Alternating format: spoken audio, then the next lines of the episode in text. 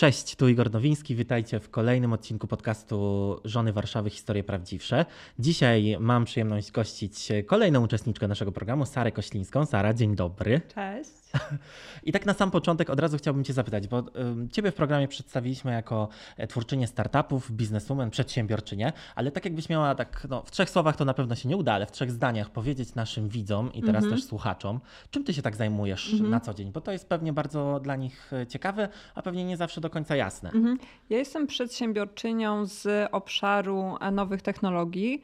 E, I jestem w tej branży od początku w ogóle mojej historii zawodowej, czyli od lat 12. E, I miałam okazję zdobywać doświadczenie w Azji, na Bliskim Wschodzie i w, w różnych krajach europejskich. Założyłam do tej pory trzy firmy, z czego moją ostatnią jest fintech, czyli firma w obszarze technologii finansowych. E, która tworzy produkty dla banków i firm ubezpieczeniowych. E, I teraz rozwijam się trochę bardziej w kierunku budowania profilu pod rady nadzorcze. Dołączyłam do rady nadzorczej jednej spółki hardware'owej polskiej, dołączyłam do rady doradczej e, takiej firmy londyńskiej, młodej z obszaru RegTech, czyli technologie regulacyjne. E, i w tym kierunku chcę się rozwijać. Natomiast na swojej bucket liście e, mam jeszcze kilka rzeczy. E, na pewno w którymś momencie chciałabym mieć fundusz venture capital, który będzie inwestował w kobiety. W, czyli przynajmniej jedna, jedna założycielka w zespole, w zespole założycielskim firmy. Mm, tak, i to jest na przyszłą bądź, bądź dalszą, e, przepraszam, na bliższą bądź dalszą przyszłość. Um, także różne, różne ciekawe rzeczy jeszcze przed nami. No biorąc pod uwagę, że masz dopiero 33? Tak. 33 lata. Wiek e, Chrystusowy. Wiek Chrystusowy, a osiągnięcia, myślę, takie, których mogliby Ci pozazdrościć przedsiębiorcy z wieloma dekadami e, pracy na koncie, to, e, to myślę, że to bucket list będzie trzeba szybko powiększać o kolejne jakieś cele. No dobrze, ale spotykamy się tutaj z, tak. z powodu e, Twojego udziału w programie The Real Housewives Żony Bo Warszawy. Bo telewizja też była na mojej bucket list. O, proszę bardzo. No właśnie, bo chciałem zapytać, że skąd takiej e, girl bossowie, przedsiębiorczyni, która e, gdzieś tam przebija się ty, w tym świecie e, nowoczesnych technologii, do którego zaraz też jeszcze tak. wrócimy, tak. nagle wziął się pomysł, żeby wystąpić w programie telewizyjnym i to jeszcze w dodatku takim. Już ci odpowiadam, ale podoba mi się to girl bossowa i chyba sobie zrobię kolejny t-shircik.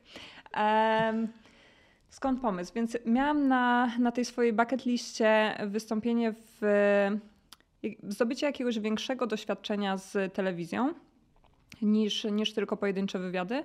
E, I format reality jest kontrowersyjny i jest ryzykowny i e, mimo, że podjęłam szybko decyzję o tym, że chcę wziąć udział, um, to mm, rozmawiałam z moimi znajomymi, którzy są dziennikarzami na przykład w Wielkiej Brytanii.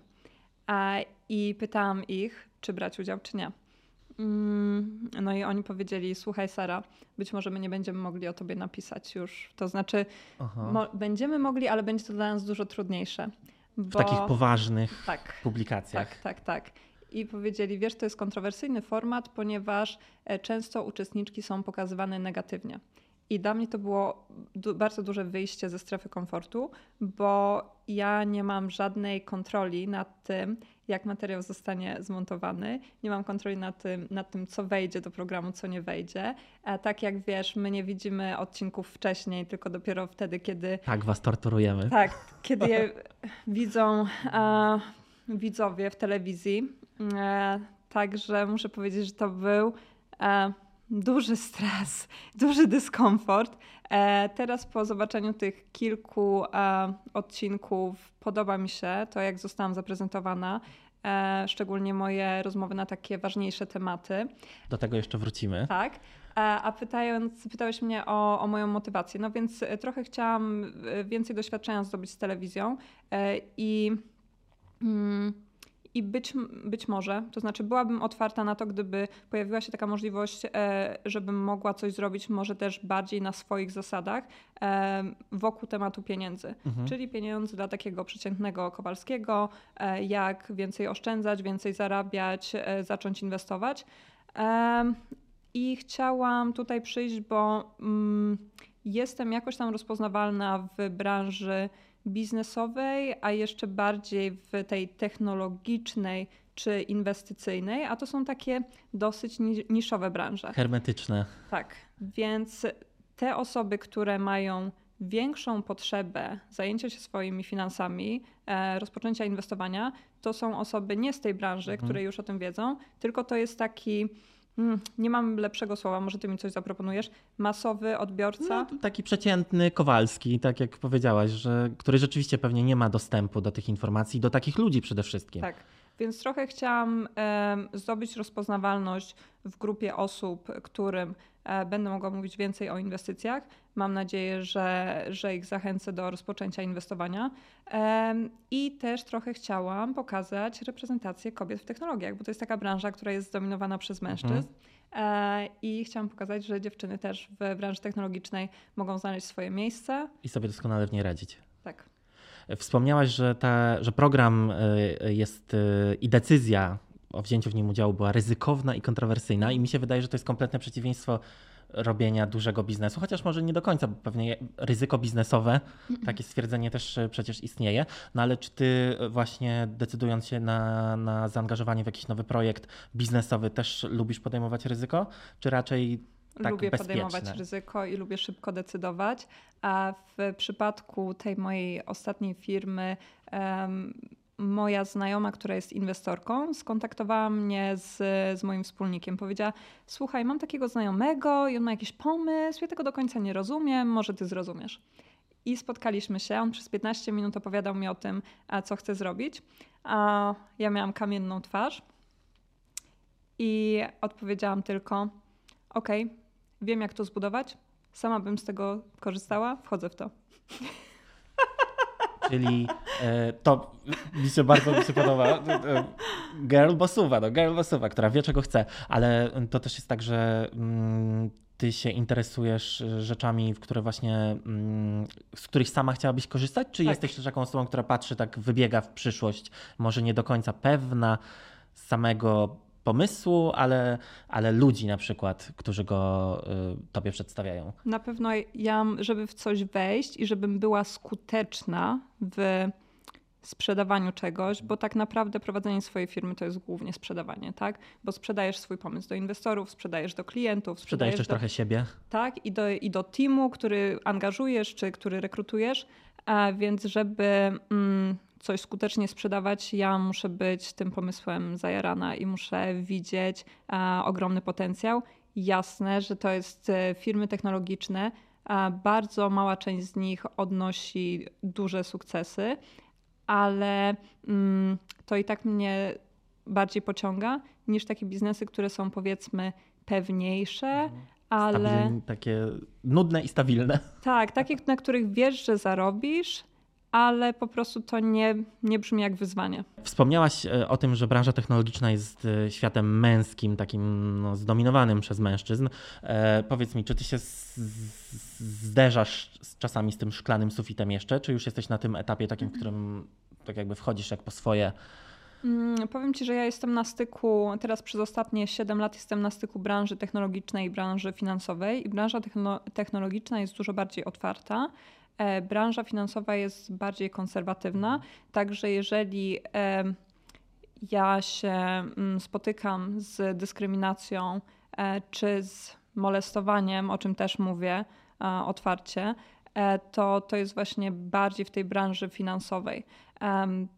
Czyli albo ze strony osób, które reprezentują instytucje finansowe, albo ze strony inwestorów reprezentujących fundusze venture capital, e, które, które, które inwestują pieniądze w spółki technologiczne. E, no i tak, ja miałam nawet w jednej ze scen, e, próbowałam o tym opowiadać. Zobaczymy, czy to wejdzie do gotowego odcinka. Mam nadzieję, że tak. I też widzę, że moja perspektywa jest trochę inna niż dziewczyn, które są w branżach mhm. kobiecych, tak jak mhm. na przykład Monika, tak, w branży kosmetycznej ona nie ma takich doświadczeń. No właśnie, rozmawiałem ja już e, z Moniką i ona mi powiedziała coś, co było dla mnie zaskoczeniem, oczywiście pozytywnym, że, że właściwie z taką, e, no nie wspominała o, o tak e, poważnych sprawach jak molestowanie, tak szokujących, ale to, że rzeczywiście gdzieś właściwie tylko raz zdarzyło się jej jej wspólniczce, że ktoś mm. się potraktował gorzej z uwagi na to, że są kobietami mm. i mhm. właściwie w branży kosmetycznej właśnie lepiej być kobietą, niż, niż faceci pewnie mają w, te, w, te, w tej przestrzeni gorzej. Natomiast rzeczywiście ty zajmujesz się taką, mm, taką tematyką, która jest cały czas wciąż zdominowana, ale czy przez te 12 lat tak. zauważyłaś zmianę w tak. pozytywnym kierunku? Zauważyłam zmianę po mitu. To znaczy zauważyłam, że te osoby, które mnie tak otwarcie podrywały w sytuacjach biznesowych, czy nawet próbowały się do mnie przysuwać, tak mhm. fizycznie naruszać moją przestrzeń, E, później po tym, e, po, po ruchu mitu w Stanach, który odbił się echem e, w Europie, zaczęły się trzymać na dystans. To znaczy po prostu widzą, że mm, już nie jest takie zachowanie akceptowalne. Mhm. I że są tego poważne konsekwencje. Tak, i teraz dosłownie dwa metry ode mnie kiwają głową dzień dobry, bo nawet boją się uścisnąć rękę, więc jest w, dru w drugim kierunku. No wiesz, ostrożnie. Ale tak wolę. Tak, zdecydowanie. I, i nawet jeżeli, jeżeli mogę o tym powiedzieć, najwyżej wytniecie, to e, Anita w tej scenie mówi, o wiesz, Sara, ja bym była zadowolona, gdyby ktoś mnie tak komplementował, mhm. A, ale ja jestem, ja nie jestem na randce. Mhm. Ja jestem w sytuacji zawodowej i jestem przez 8 godzin, powiedzmy, dziennie w sytuacjach zawodowych i ja nie. Ja, ja się mam skupić na tym, co e, mam do zrobienia, a, a nie na tym, wiesz, jak wychodzić z jakichś niekomfortowych mhm. sytuacji, jak komuś dać znać, że nie jestem zainteresowana, ale tak, żeby ta osoba się nie obraziła, mhm. żeby dalej chciała ze mną pracować, bo najczęściej to ona jest w. W, pozy w position of power, jak tak, to się mówi. Tak. E, a nie sądzisz, że Anita tak powiedziała, dlatego że wiele kobiet chyba mm, trochę akceptuje takie zachowanie, co jest okropne i z mhm. czym ja jako mężczyzna absolutnie się nie zgadzam z tymi zachowaniami. Mhm. E, dla takiego świętego spokoju po prostu, żeby przebrnąć właśnie przez te 8 godzin i mhm. tak jakby mieć to za sobą? Myślę, że to jest w Polsce bardziej akceptowane niż na przykład w Europie Zachodniej i widzę e, różne typy mm, dyskryminacji kobiet. Na przykład Polsce rzadziej się zdarza, że ktoś powie, o wiesz, ona jest kobietą, to ona się nie zna. Mhm. Wydaje mi się, że tego, ten problem nie jest tak częsty. Na zachodzie zdarza mi się to widzieć. Ale jeżeli chodzi właśnie o takie jakieś hamskie żarty, um, to tutaj w Polsce częściej to widzę mhm. niż w Europie Zachodniej. Nie ma u nas jeszcze tej kultury takiej biznesowej. Myślę, że, to... że są panowie przyzwyczajeni, mhm. że przecież tak się robiło przez 20-30 lat. Przecież oni są mili. Tak. To jest po prostu. E, wspomniałaś o tym, że m, mm, podoba ci się to, co widziałaś na razie y, o sobie w programie. Tak. E, ale też y, y, jesteś takim specyficznym głosem w naszym programie, bo im dużo mówisz to, co myślisz i, i nie boisz się tych swoich opinii wyrażać w dość taki bezpośredni y, sposób, y, zwłaszcza w swoich setkach, tych wywiadach, w których komentujecie te y, bieżące wydarzenia, ale też niektóre dziewczyny zauważyły na przykład e, twoją tendencję do różnych e, dziwnych tematów, jak one to nazywają, wymyślania różnych takich mm, motywów do rozmów, czy przy stole, czy w takich rozmowach ładowanych. Skąd ci się to bierze? Masz jakąś taką listę tego, czy to przychodzi tak spontanicznie, naturalnie. Wiesz, wiesz, co, dla mnie nie jest problemem rozmawianie na tematy tabu. Także te tematy, o których ja mówię, to są tematy, o których normalnie rozmawiam z moimi znajomymi, z rodziną czyli tematy typu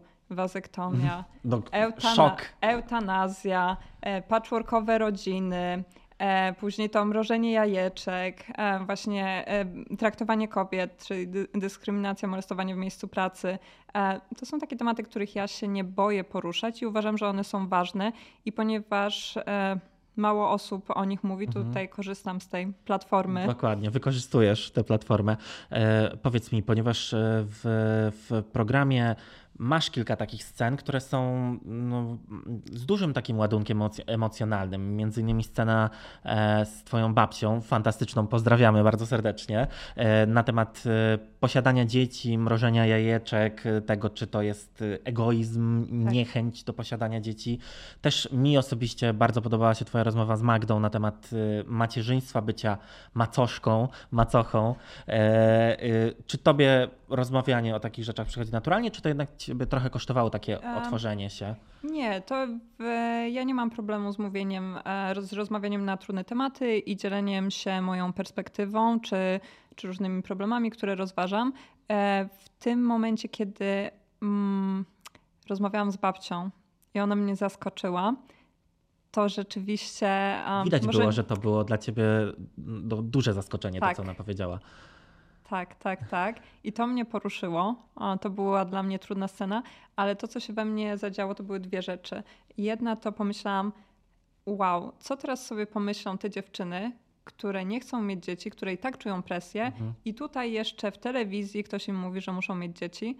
Um, a druga rzecz to, um, gdyby mi ktoś powiedział, nie wiem, na ulicy, że jestem taka egoistka, brzydka, głupia, whatever, to, to by mnie to nie dotknęło. Mhm. Ale jak mi mówi osoba bliska, wiesz, jest, czy ty jesteś egoistką? Mhm. No to tak, to boli.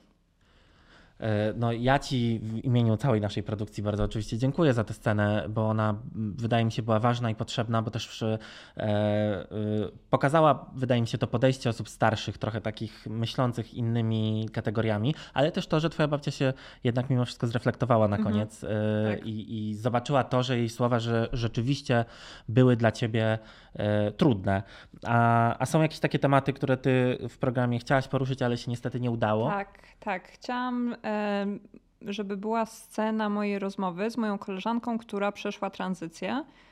To jest dziewczyna, z którą się znamy jeszcze sprzed lat, kiedy ona była rekruterką technologiczną i nam miała pomagać przy rekrutacji do zespołu. E, I ona się zdecydowała na operację korekty płci i mówi o tym otwarcie na swoich mediach społecznościowych, opisuje operacje, wchodzi w takie, w takie szczegóły. I szkoda, że to nie weszło, natomiast e, wczoraj przeprowadziłam z nią live, pierwszą część live'a, bo jeszcze, jeszcze zrobimy dogrywanie. E, I myślę, że to wyszło fajnie. Mm, ona się podzieliła takimi bardzo intymnymi szczegółami, aż mnie zaskakując. A, a wydaje mi się, że, że nie jestem taką osobą, którą łatwo zaskoczyć, bo jestem, um, jestem liberalna bardzo. Um, więc, więc starałam się tę rozmowę, która nie weszła do programu, mhm. przynajmniej przeprowadzić na, na swoich social media. Czyli znowu wykorzystać tę platformę, trochę jeszcze mniejszą, ale rosnącą.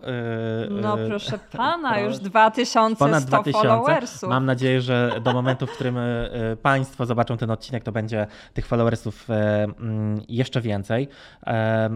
A czy ty już się spotkałaś, albo no, mam nadzieję, że jeszcze nie i że w ogóle się nie spotkasz z jakimiś takimi negatywnymi opiniami na swój temat, z hejtem mm. po programie, czy reakcjami na twój występ w programie? A były pojedyncze komentarze. Jedna osoba do mnie napisała i powiedziała, że wiesz, wydajesz się sensowną dziewczyną, ale tak to jest pokazane, jakbyś cały czas e, Basię krytykowała. E, I ja napisałam, o dziękuję, że to piszesz i, i zaczęłam rozmowę. I myślę, że to, to nie jest wytłumaczone, że te moje różne komentarze, które są pokazane na początku, to nie było tak, że ja ją poznałam i od razu zaczęłam mhm. takie opinie um, wypowiadać, tylko to są też moje opinie, które były wcześniej, po odcinkach, kiedy ona mi docinała, um, wypowiadane. E, więc tak, może były trzy takie komentarze o tym, że za, za mocno się wypowiadam. E, I też ostatnio moja koleżanka powiedziała: Sara, dlaczego ty poszłaś do reality show? To jest przecież akt desperacji. Może w Stanach to jest akt desperacji, e, natomiast e, nasze e, bohaterki na pewno zdesperowane nie są, bo wszystkie reprezentujecie fajne biznesy i, i macie fajne osiągnięcia, którymi się należy chwalić. Nie jest ci trochę przykro, że na przykład akurat właśnie z Basią, która też jest taką girlbossową, no tylko trochę w, w innej mhm. przestrzeni działającej, ale też absolutnie szapoba, jeśli chodzi mhm. o jej osiągnięcia, że gdzieś tam się ta relacja mm, nie potoczyła A, w takim dobrym tak, kierunku? Tak, to znaczy zu, e, zupełnie e, szczerze to ja myślę, że mm, my byśmy i tak w normalnym życiu się z Basią nie zaprzyjaźniły. E, natomiast gdyby nie to, że czułam, że powinnam bronić Monikę w tej mhm, sytuacji na mhm. katamaranie, to, to pewnie by nie było takiego konfliktu pomiędzy mną i Basią i później by nie narastały te negatywne emocje, nie byłoby takich komentarzy też z mojej strony. Wspomniałaś o Monice. Monika Żochowska to jest e, jedyna osoba, którą znałaś e, e, wcześniej, zanim, zanim... Myślałam, że ją znam. zanim rozpoczęliśmy program i to w sumie no tak długo, długo się znacie, tak. bo, bo, bo 12 lat. 12 lat. Mm, no i ta relacja też miała wzloty i upadki, że tak powiem, w programie, tak. ale czy myślisz, że wyszłyście z tego silniejsze jako koleżanki, przyjaciółki? Mhm. Powiem ci, że my jest. E, wydaje mi się, że, że też mówię tutaj za Monikę, my nie jesteśmy najbliższymi przyjaciółkami. My mamy kontakt od lat i mamy wielu wspólnych znajomych, ale to nie jest tak, że my do siebie codziennie dzwonimy. Nie, my raczej mamy e, kontakt raz na, raz na kilka miesięcy, mhm. się spotykamy i to jest taka częstotliwość bezpieczna. A tutaj nagle przez trzy miesiące. Bardzo intensywna codziennie. relacja. Tak, i ja znam Monikę na tyle długo, żeby znać jej pozytywne i negatywne strony. E, I w, powiem ci, że mm, no, kilka razy mnie zaskoczyła negatywnie, a momentami też pozytywnie, także na pewno dużo się o sobie dowiedziałyśmy. Um, jest teraz w ubiegłym tygodniu miałyśmy taki mały zgrzyt kolejny. Więc ciekawe, jak to będzie jutro na reunion, bo jutro nagrywamy. Zobaczymy, co się będzie działo. Um, I um, no, myślę, że, że nam się uda mieć takie, takie dobre relacje e, jak wcześniej. Um, ale z, zaczęli ludzie do mnie pisać, mówiąc, e, Wiesz, czy Monika jest twoją koleżanką? Bo tak wygląda, jakby ona cię w różnych scenach punktowała, na przykład tam o edukacji, mm -hmm, kiedy mm -hmm. rozmawiamy. E, I też wygląda to tak, jakby ona chciała zająć całą przestrzeń. No i powiedziałam, że no, Monika zajmuje przestrzeń, tak, to się zgadza. Um, a którą z dziewczyn y, z programu lubisz najbardziej, albo z którą myślisz, że mogłabyś się właśnie na przykład zaprzyjaźnić i, i gdzieś rozwijać tę znajomość także poza mhm. kamerami? Ja chyba najbardziej lubię Anię, ale mam wrażenie, o czym będę mówiła jutro na reunion, że, że ona nam się do końca nie dała poznać. To znaczy mam wrażenie, że ona sama ma preferencje odnośnie tego, um, odnośnie poszczególnych uczestniczek. Dobrze wie, kogo lubi bardziej, kogo lubi mniej, ale nie chcę tego mówić, bo mhm. chcę właśnie pozostać w takiej, na takiej bezpiecznej pozycji. E, I... Um, też bardzo polubiłam Monikę Goździalską, kiedy ona dołączyła do programu. Na tych scenach w, na balu u Basi to widać, że ja tak nie wyglądam już dobrze, jestem, jestem zmęczona, jestem zestresowana. To, był, to było po kilku odcinkach ja miałam naprawdę dosyć. Ja się, ja się nudziłam przy, przy stole z y, dziewczynami i dopiero jak przyszła Monika, to tak poczułam, kurczę, mogę teraz mogę być sobą. Teraz mam jakiegoś partnera do przerzucania mhm. się e, żartami i do bycia spontaniczną. E, więc, więc bardzo się ucieszyłam, kiedy przyszła Monika. E, I i później, e, kiedy się zrobił zgrzyt pomiędzy nią a moją Moniką i trochę pomiędzy nią a mną, bo wyszło to, to całe e, zamieszanie z tymi prawnikami, mhm, mhm. to ona się wtedy do mnie zraziła i się trochę zepsuła atmosfera też na planie. A teraz nie wiem, jaki jest status między nami. No, Też skoro, zobaczymy jutro. Tak, no właśnie, skoro jutro przed nami nagranie Reunion, to wszystko się może wyjaśnić, bo Reunion też służy do tego, żeby pewne animozje y, między sobą y, wyjaśniać, wyprostowywać pewne rzeczy, więc y, mam nadzieję, że mm, to będzie taka fajna okazja do, do tego, żeby sobie pewne sprawy wyjaśnić mhm. i może właśnie wyjść z tego nagrania z nową energią i z nową chęcią i, i, i żeby rzeczywiście takie przyjaźnie po programie powstały i było, by, było fajnie, no bo wiecie, liczymy wszyscy na drugi sezon. patrzę na ciebie i nie, że patrzę na twój dekolt, y, y, y, ale masz dzisiaj koszulkę z kolejnym hasłem Brains are the new tits i ja się z tym absolutnie zgadzam. Jestem nerdem. Jesteś nerdem, ale takim nerdem, którego więcej takich nerdów nam potrzeba. Skąd się wziął w ogóle ten pomysł? Bo to nie jest pierwsza koszulka z hasłem, bo też byłaś i na konferencji ramówkowej przecież tak.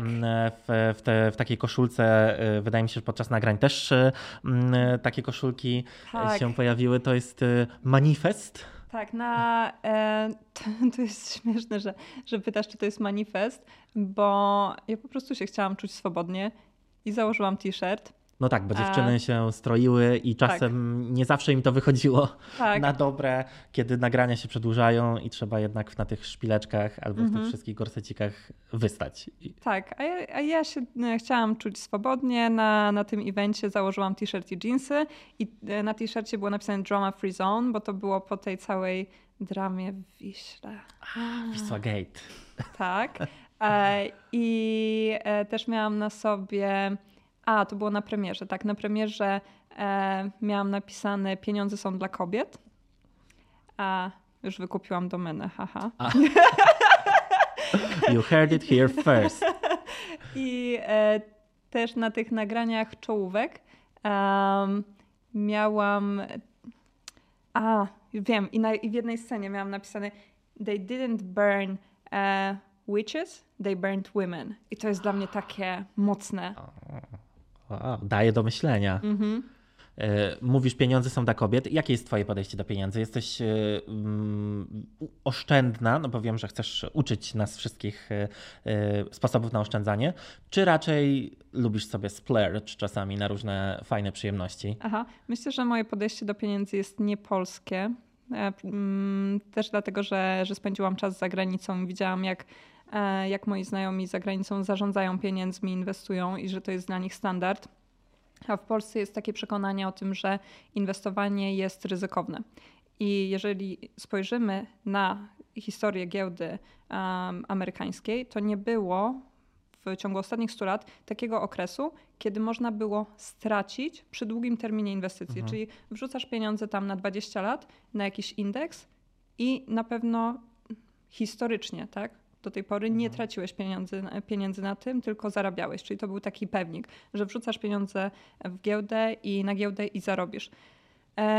I w Polsce właśnie jest przekonanie, że inwestycje są ryzykowne. Jeżeli w coś inwestujemy, to nieruchomości, to sobie mhm. kupimy jedno, drugie mieszkanie.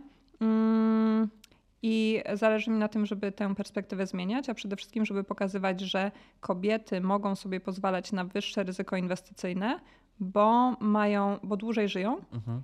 e, czyli mają dłuższy czas, kiedy mogą inwestować i w inwestowaniu jest mniej ważne to, ile pieniędzy miesięcznie przeznaczasz, a ważniejsze to, czy je trzymasz na koncie przez 5, 10, 20 lat. Im dłużej je trzymasz, tym masz wyższe zwroty i niższe ryzyko stracenia e, tych pieniędzy. No to jest e, to, co mówisz, jest, e, oczywiście ma sens, ale mm, wydaje mi się, że u nas pewnie niewiele osób sobie może pozwolić na przykład na taką dużą jednorazową inwestycję i zamrożenie tak jakby tej kasy na mhm. te 5-10 lat. I czy są jakieś sposoby na to, żeby inwestować mniejsze kwoty? Ktoś, kto nie dysponuje mm, e, dużymi pieniędzmi, ale chciałby coś zacząć już robić, jakoś zabezpieczyć swoją przyszłość albo swojej rodziny. Tak, takie y, można inwestować niewielkie kwoty w takie bezpieczniejsze, zdywersyfikowane produkty, na przykład ETF, można inwestować już od 50 zł. Także nawet możesz zacząć od 50 zł miesięcznie. I mm, nie, więc nie trzeba mieć większej sumy na początek, żeby zacząć inwestować. E, I to nie jest tak, że ty te pieniądze zamrażasz, że nie możesz ich dotknąć. Po prostu im dłużej je trzymasz na koncie, tym większy zwrot będziesz mieć i tym masz, e, bo wiesz, giełda idzie w górę i w dół. Mhm. Ogólnie idzie w górę, ale są górki i dołki. E, I jeżeli chcesz wypłacić pieniądze, a nagle, a akurat jesteś na dołku, no to to się zupełnie nie opłaca. Dlatego lepiej jest e, tych pieniędzy po prostu traktować je tak, jakby nie, nie można było je -hmm, wypłacić, -hmm. ale technicznie tak, można w każdej chwili. Jak się coś stanie i potrzeba. Tak. E no dobrze, bo teraz powiedziałaś o inwestowaniu, powiedziałaś o, o tym, jak sobie yy, zabezpieczyć się trochę na przyszłość albo zacząć pomnażać swój majątek, ale też chciałem zapytać, jakie ty sobie sprawiasz na przykład przyjemności jako osoba, mm -hmm. która już ten majątek posiada, też nad nim cały czas mm -hmm. pracuje, aby był coraz większy, ale czy jest coś takiego, na co ty mm, bez jakiegoś takiego większego mm, inwestycyjnego podejścia do myśl, takiego do myślenia o pieniądzach, podchodzisz i tak sobie, a dam se. Ja generalnie mało wydaję. Um, I dziewczyny, myślę, że było widać ten kontrast w niektórych scenach z dziewczynami. Na przykład e, zapytałam jej, jak oszczędzacie, a Monika, oszczędzać? Po co oszczędzać? No więc ja e, mało wydaję. Głównie wydaję pieniądze na e, wyjazdy, na mhm. wycieczki, na jedzenie, ponieważ nie gotuję, a lubię jeść. Rzadko gotuję. Mm. Robert przyniósł dwa kotlety, nie wiemy co z tym zrobić. tak. E, więc wycieczki, jedzenie, e, jeżeli coś traktuję jak inwestycje w siebie, na przykład edukację, to mhm. też potrafię na to wydać pieniądze. Um, no i mam jakieś różne swoje mniejsze fanaberie, ale to nie wiem, czy tutaj będę o tym mówiła. Ale no nie jesteś, Pozostawię was. Tak, nie jesteś tą z uczestniczek, która ma y, szafę butów, y, czy pięć takich samych torebek, tylko w różnych kolorach. I, i, a jak ty na to patrzyłaś? Jak ja, na przykład zobaczyłaś szafę Magdy? E, byłam pod wrażeniem, bo, te, bo piękne są te buty i sobie je sfotografowałam. kolorowe, e, ale ja, ja bardzo sobie doceniam taką elastyczność i wolność i to, że ja nie potrzebuję właściwie więcej niż dwie walizki. Mam ze sobą mhm. dwie walizki i jeżeli pojawi się jakaś, jakaś fajna. Mm, jakiś fajny business opportunity na drugim końcu świata, e, Chiny, Kanada, nie wiem, e, to ja mogę po prostu te walizki spakować i wyjechać i nic więcej nie potrzebuję, więc to sobie bardzo cenię. No właśnie, bo wspomniałaś, że mieszkałaś za granicą 50 Sześć krajów odwiedziłam, krajów odwiedziłaś. a w siedmiu e, pracowałam, mieszkałam, tak. Ale mimo to wróciłaś do Polski i tutaj... E, chwilę, bo na... mnie takie nieszczęście spotkało, że się zakochałam a. w chłopaku Polaku. Cholera. E, ale myślisz, że tutaj w Polsce, bo wiem, że pracujesz tak jakby na skalę międzynarodową, tak. działacie nie tylko w Polsce, ale czy my już jesteśmy taką takim miejscem, w którym rzeczywiście te biznesy y, można robić na taką skalę, na jaką ty byś chciała, czy jest to właśnie jakiś tam przystanek po drodze gdzieś dalej? Można robić duże biznesy w Polsce. Um, i jest większe zainteresowanie teraz ze strony amerykańskich inwestorów Polską niż było przed pandemią, więc więcej się dzieje, większy jest napływ gotówki e, i Polska w ogóle pod względem technologii jest super, super się rozwija, jest wspaniałym miejscem do, do prowadzenia e, firmy. Ja mm, myślę, że e, wiadomo, że, że to się może różnie potoczyć, ale w takim idealnym scenariuszu przez następne kilka lat chciałabym um, więcej się dowiedzieć na temat rynku amerykańskiego i prowadzenia um, biznesu tam. Także jeżeli mi się to uda odpukać, to, odpukać to będę to zadowolona. Puste. E, wspomniałaś, że masz niepolskie podejście do e, pieniędzy, do oszczędzania pieniędzy, do tego, jak nimi obracać, a jest jeszcze coś innego, czego to Twoje mieszkanie za granicą, podróżowanie po świecie Cię nauczyło, co w Polsce jest mm, niespotykane albo jakoś czasami oceniane w mhm. niesprawiedliwy sposób? E, tak, na pewno po wyjeździe z Polski przestałam się um, przejmować tym, co ludzie myślą o moim wyglądzie. Podam, podam Ci przykład. W Polsce, jeszcze jak byłam nastolatką, to była taka większa moda na opalanie się. Mhm. I ludzie mi mówili, ojej, ale jesteś blada, jaką masz białą skórę. I później wyjechałam do Azji i wszyscy, Boże, jaką masz piękną białą skórę, jaka gładka, jaka wspaniała. I tak sobie pomyślałam, hmm, to w jednej części świata jestem piękna, a w drugiej jestem brzydka? Przecież to nie ma sensu. więc, więc stwierdziłam, że gdzieś na świecie, niezależnie od tego, jak wyglądam, jestem ładna. Trzeba znaleźć to miejsce, proszę Państwa, i tam się udać. E, mm, wspomniałaś o tym, że zakochałaś się w Polaku. E, twoja relacja e, z Robertem w programie wzbudziła pewne emocje tak. z uwagi na dzielącą was różnicę wieku. Niektóre dziewczyny były zafascynowane różnymi aspektami waszego życia. I, i, ja o to nie będę pytał, ale chciałem zapytać, jak się rozwija taka e, znajomość z, z dużo starszym mężczyzną, którym jeszcze w dodatku chyba łączyły Was też e, sprawy zawodowe na początku? E sprawy zawodowe my nigdy nie prowadziliśmy razem firmy, natomiast rzeczywiście zaczęliśmy się częściej spotykać dlatego, że mieliśmy pomysł zrobienia czegoś razem. No, no i zrobiliście małżeństwo. tak, tak, ale zawodowo nie, bo też zobaczyliśmy, że mamy inny styl pracy, inne mhm. podejście i, i, stwierdziliśmy, że na razie jest dobrze tak, jak jest. Um, i ja nie czuję e, tego wieku. Czasem, kiedy on mówi coś takiego konserwatywnego, to sobie myślę, okej, okay, boomer. Jeszcze my, my job is not done here. Tak, tak, tak. Ale też się umówiliśmy, że jakby za każdy, za każdy jego takie, um, jakiś tekst taki konserwatywny, to ja mu daję mój feminist rant i to się wszystko balansuje. E, a poza tym to ja nie czuję tej różnicy e, wieku e, i, i momentami to ja się czuję bardziej dojrzała.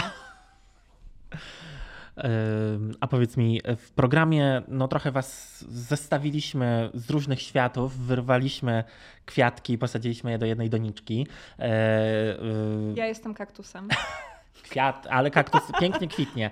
Kaktus pięknie kwitnie. Powiedz mi, jak ty sobie w życiu e, prywatnym dobierasz znajomych? To są też osoby takie, które cię w jakiś sposób muszą zainspirować swoimi doświadczeniami, mhm. sukcesami? Większość moich znajomych to są przedsiębiorcy i to są takie osoby, które właśnie są super kreatywne i myślą o rozwiązaniach i co można jeszcze zrobić, osiągnąć e, i, i, i myślą o tym, jak problemy wokół siebie mogą rozwiązywać, czy biznesowe, czy społeczne, e, więc takie osoby, które są bardzo e, high energy e, i tak, to jest, to jest mój typ ludzi, którymi się otaczam i nie mam wokół siebie dram. to Czyli, znaczy... Ale, ale y, tak jakby świadomie ich y, unikasz, czy to tak po prostu wychodzi, że te osoby po prostu nie... nie... Wiesz co, w środowisku technologicznym to z, ja mam do czynienia głównie z takimi ludźmi, którzy są bardzo konkretni i to są albo przedsiębiorcy, albo mm, programiści, a oni są zero-jedynkowi no tak. i im się daje komunikat, oni odbierają ten komunikat i odpowiadają i tam nie ma miejsca na to, na dociekanie, mm, a czy ona chciała mnie urazić, albo czy on mnie chciał urazić. Nie, w ogóle to, to się nie pojawia. Um, I jeżeli ktoś mi nie odpowiada w życiu prywatnym, to od takiej osoby się odsuwam, mhm. mm, bo nie potrzebuję, e, nie potrzebuję spięć. To mm, wiesz, to mnie kosztuje mhm. moją energię. Tak. Um, a tutaj byłam. W epicentrum. Przez trzy miesiące. I jakie to było doświadczenie? Które... To było ciekawe doświadczenie też, e, też dlatego, że ja, większość moich znajomych to są mężczyźni. Um, koleżanki mam, mam pojedyncze. Um, I ciekawe było to, jak na przykład Kasia w jednej scenie mi zarzuca, że ja ziewam i to znaczy, że jej nie szanuję. I dla mnie to było takie wow, tak można myśleć. Um, ale teraz zupełnie na serio mm, powiem to, co, co w ostatniej scenie powiedziałam, e, że to doświadczenie mi pokazało, że ja żyłam w, żyję w bańce. Mhm. Czyli żyję w tej swojej takiej liberalnej banieczce technologicznej, niezależnie e, od tego, że mam znajomych po lewej i prawej stronie sceny politycznej i z całego świata, e, to jednak oni wiedzą, co mówić należy, czego mhm. nie należy. A, a tutaj um, się spotkałam z dziewczynami, które myślą inaczej i mówią to, co myślą. Um, na przykład Anita. Anity poglądy na, na rolę kobiety e, w rodzinie i w społeczeństwie są zupełnie inne no niż tak. moje. E, I to były takie momenty, kiedy ja sobie uświadomiłam, wow, to nie wszyscy myślą tak jak ja. To ja nie jestem w większości. Ja jestem w mniejszości.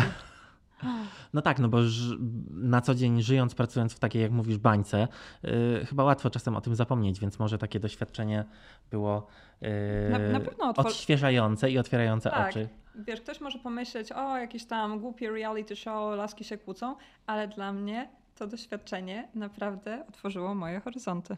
No właśnie, bo laski się kłócą, też yy, takie komentarze się pojawiają, że w sumie się tylko kłócicie i tylko takie jesteście toksyczne i tak dalej. A mi się wydaje, że program, nasz program jest przede wszystkim o yy, emocjach i o relacjach. Yy, i, były prawdziwe emocje. I były prawdziwe emocje. Mm, były. Może niektórzy, nie, niektóre osoby mówią: O, ja nie wierzę, na pewno był jakiś scenariusz, na pewno wy to odgrywałyście. A ja mówię I wish. E, a powiedz mi, czy twoim zdaniem e, no bo jeszcze wrócę do tego, co bardzo mnie ucieszyło, to, że powiedziałeś, że cieszysz się z tego, e, podoba ci się to, w jaki w sposób, w jaki zostałaś przedstawiona, ale czy uważasz, że telewizja i program trochę zakłamują rzeczywistość i że trochę inaczej to wyglądało, mm. jak byłyście tam in the moment? Zakłamują nie, ale e, były takie fragmenty, najwyżej jak, jak uznasz, że tego nie powinnam mówić, to to wytniemy. E, były moje wypowiedzi na temat Moniki Goździalskiej i e, one zostały tak ucięte, że brzmiały dosyć negatywnie. Ja tam o niej powiedziałam, że pierwsze wrażenie jest takie, wygląda dosyć plastikowo, ale podoba mi się to, to co mówi, mówi sensownie. E, no i druga wypowiedź była taka, że zrobiła na mnie dobre wrażenie, ale rzeczywiście pojawił mi się ten napis niebezpieczeństwo. No i to w montażu zostały, zostało tak ucięte, że wygląda jakbym ją krytykowała. E, więc to są takie, takie niuanse. E, natomiast generalnie wydaje mi się, że zostałyśmy dosyć dobrze oddane. Tak, myślę, że no to, co widzę na ekranie, mm, odpowiada temu, co, co widziałam tam za kamerami. Uff, uff. proszę Państwa, mamy to. E, e, z, z, pracujesz nad kursem inwestowania. Tak. Do kogo on jest skierowany i co byś nim chciała uzyskać? Mhm. E, ja go kieruję do kobiet, bo kobiety mają większą potrzebę inwestowania i mniej ją sobie um, uświadamiają. Um, I chciałabym pokazać im, że inwestowanie wcale nie jest takie ryzykowne, jak się wydaje, że jeżeli to robisz um, świadomie obniżając ryzyko różnymi e, sposobami, e, to, to możesz naprawdę e, spokojnie inwestować w te produkty mm, finansowe, że one nie są wcale tak skomplikowane. I tutaj jest miejsce na anegdotę. Moja koleżanka skończyła SGH jej mąż e, jest DJ-em. Kto u nich w domu zarządzał pieniędzmi, inwestował pieniądze? Mąż DJ? Tak. I ona w pewnym momencie tak sobie myśli, hmm, przecież to nie ma sensu. I zaczęła pół roku temu ona inwestować ich pieniądze. No. E, ale to jest taki kurs, który właśnie może, może będzie mogła z niego skorzystać też taka osoba, która właśnie ma to 50 zł miesięcznie tak. na samym początku i tak jakby kompletnie nie ma tak. pojęcia co, jak i gdzie. I też nie ma czym za bardzo na razie przynajmniej. Mhm. Tak, zdecydowanie, zdecydowanie pokazuje, że jeśli masz 20 lat, to ma to dla ciebie sens, żeby zacząć inwestować z bardzo małymi kwotami, bo mm, ludzie w Polsce nawet nie, nie znają takich podstawowych, nie uczy się nas tego w szkole, mhm. takie podstawowe pojęcia dotyczące inwestowania, e, procent składany. To, że ty teraz inwestujesz e, tylko 50 zł, to, e, to oznacza, że, ty, że będziesz mieć po każdym roku 50 zł plus mhm. coś. Mhm. I później w kolejnym roku z tej, z tej sumy zainwestowanej plus odsetek, a będziesz mieć kolejne odsetki. Także to nie jest tak jak z mm, przerzuceniem pieniędzy na konto oszczędnościowe, tylko tutaj ci się pomnaża ten kapitał z roku na rok. Jest to. Idę zaraz przelać moje pierwsze 50 zł. E, zaczęliśmy od bucket list, e, listy marzeń i zakończymy też na e, marzeniach, ale tych zawodowych. Co ty byś chciała zrobić takiego fajnego, co gdzieś ci się marzy, a może jeszcze niekoniecznie jest ten moment, ale. Mm -hmm. No, następne lata jeszcze dedykuję na zarabianie pieniędzy bo uważam, że taka zupełna niezależność finansowa jest potrzebna po to, żeby móc podejmować jak najlepsze decyzje życiowe i, e, i być może dojdę do takiego momentu, chciałabym, e, gdzie pieniądze nie będą e, już dla mnie mm, tematem mhm. I wtedy będę mogła się zaangażować w E, w jakieś, w jakieś ważniejsze rzeczy niż budowanie swojego kapitału. Na przykład, wiesz, działanie nad, e, nad jakimiś um, causes, jak się mówi causes? Potrzeba charytatywnymi różnymi... Mm, nie tylko charytatywnymi, ale też społecznymi, społecznymi, tak, nad rozwiązywaniem problemów społecznych, tak. I czy to będzie taki wtedy dla ciebie E, bo pytam o to moje rozmówczynie, czym dla nich jest luksus. I niektóre mówią o rzeczach materialnych, finansowych, a niektóre e, mówią, że właśnie mm, dla nich e, luksusem jest czas dla siebie, na przykład taki w ogóle niezakłócony niczym i ta taka, ten taki spokój, który właśnie mogą sobie poświęcić na, na, na rzeczy, mm, które nie są właśnie związane z posiadaniem czy z pomnażaniem, tylko takim, takim dobrobytem wewnętrznym, spokojem. Dla mnie luksusem jest wolność. Tak, czyli to, że mogę mieszkać e, gdzie chcę, mogę wyjeżdżać kiedy chcę, mogę pracować nad tymi projektami, które mnie interesują, a nie nad tymi, które płacą najwięcej. Um, tak. No to ja ci takiej, Sara, wolności życzę. Jeszcze tylko zapytam, czy babcia się widziała w telewizorku i jej się podobało? Babcia jeszcze nie widziała, nie, e, ale już się widziała w fakcie. Ach, no I fakt już... napisał urocza babcia. Urocza babcia, to jest prawda. Sara, bardzo Ci dziękuję.